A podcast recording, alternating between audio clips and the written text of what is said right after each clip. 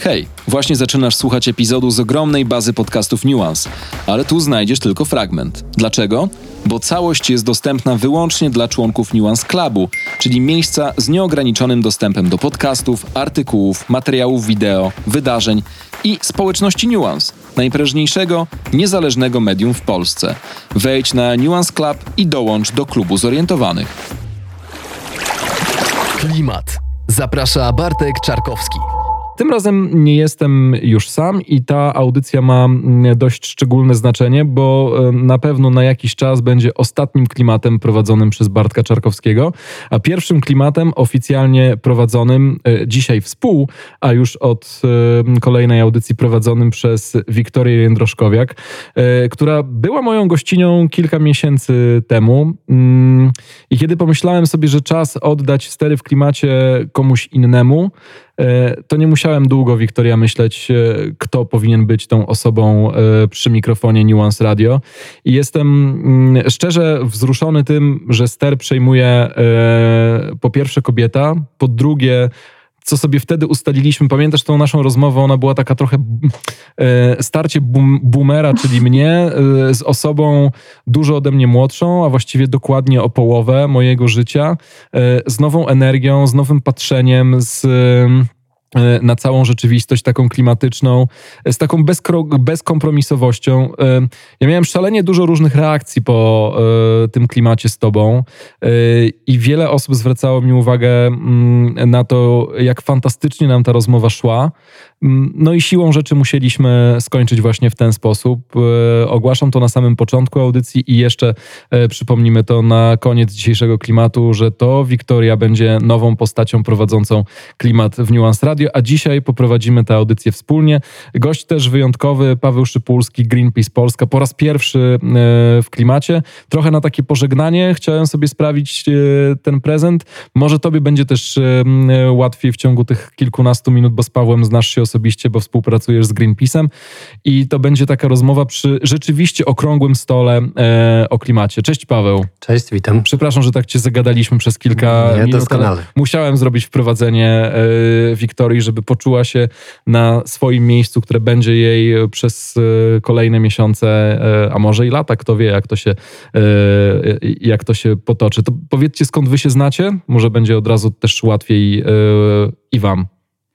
Cześć, dzięki bardzo to miłe wprowadzenie, bo to jest e, strasznie schlebiające, ale też e, fajnie słyszeć po raz kolejny, że ta nasza audycja, której byłam gościnią w grudniu, e, była tak spoko, bo, bo, bo te bycie w mediach, y, gdy jest się aktywistką i młodą osobą nie zawsze jest fajne, a to wspominam bardzo dobrze, więc to było bardzo cool. Y, ja z Pawłem znam się y, dlatego, że trudno nie znać się z osobami z Greenpeace, kiedy robi się rzeczy związane z klimatem w Polsce.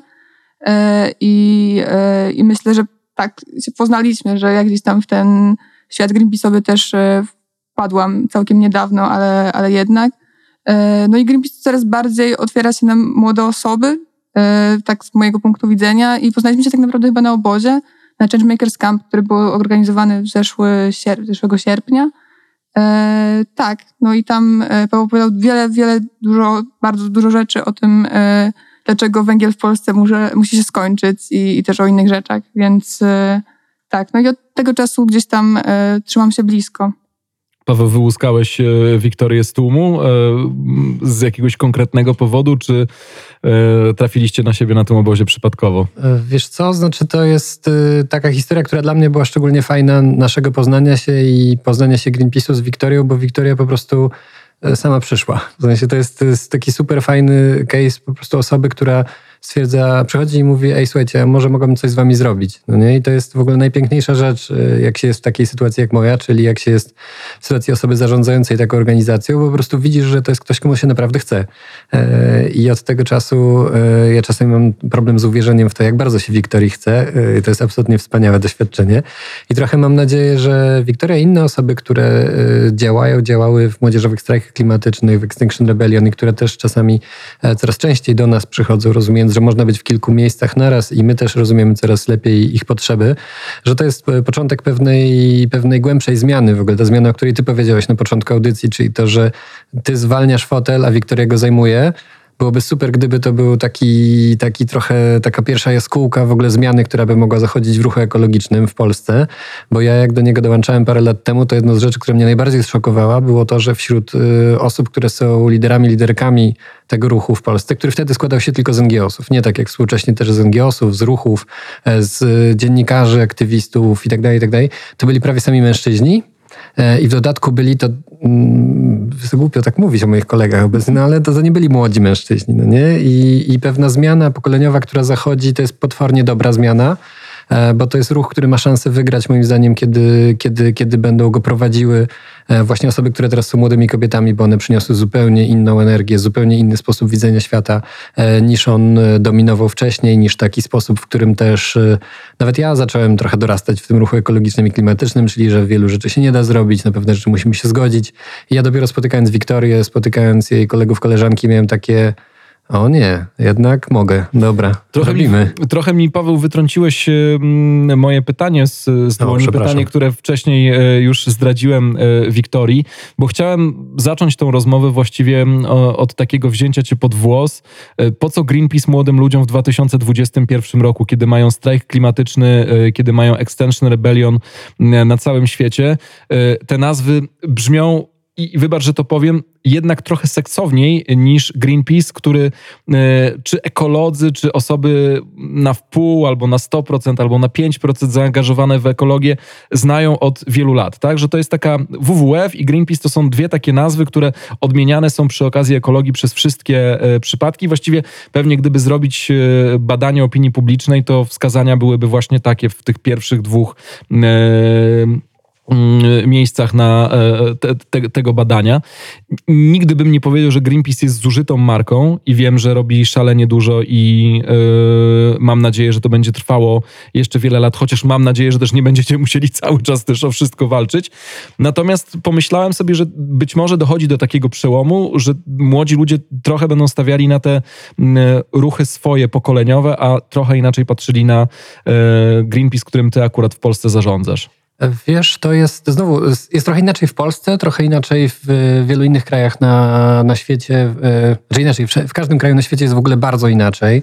E, I my w Polsce jesteśmy w takim położeniu, że my jako Greenpeace do momentu, w którym w Polsce pojawił się młodzieżowy strajk klimatyczny e, i też Extinction Rebellion potem, to byliśmy bardzo samotną organizacją. E, mimo tego, że takich zaprzyjaźnionych organizacji jak WWF, który wymieniłeś, ale też inne, na przykład Client Earth, Prawnicy dla Ziemi czy Frank Bolt, ja mógłbym długo wymieniać.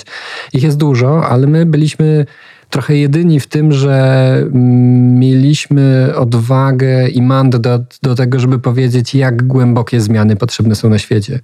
I ta samotność czasem była dojmująca, e, tak bym powiedział, e, bo powodowała, że mieliśmy takie poczucie, że jesteśmy głosem takim no, wołającym na puszczy e, kompletnie, sami jedni.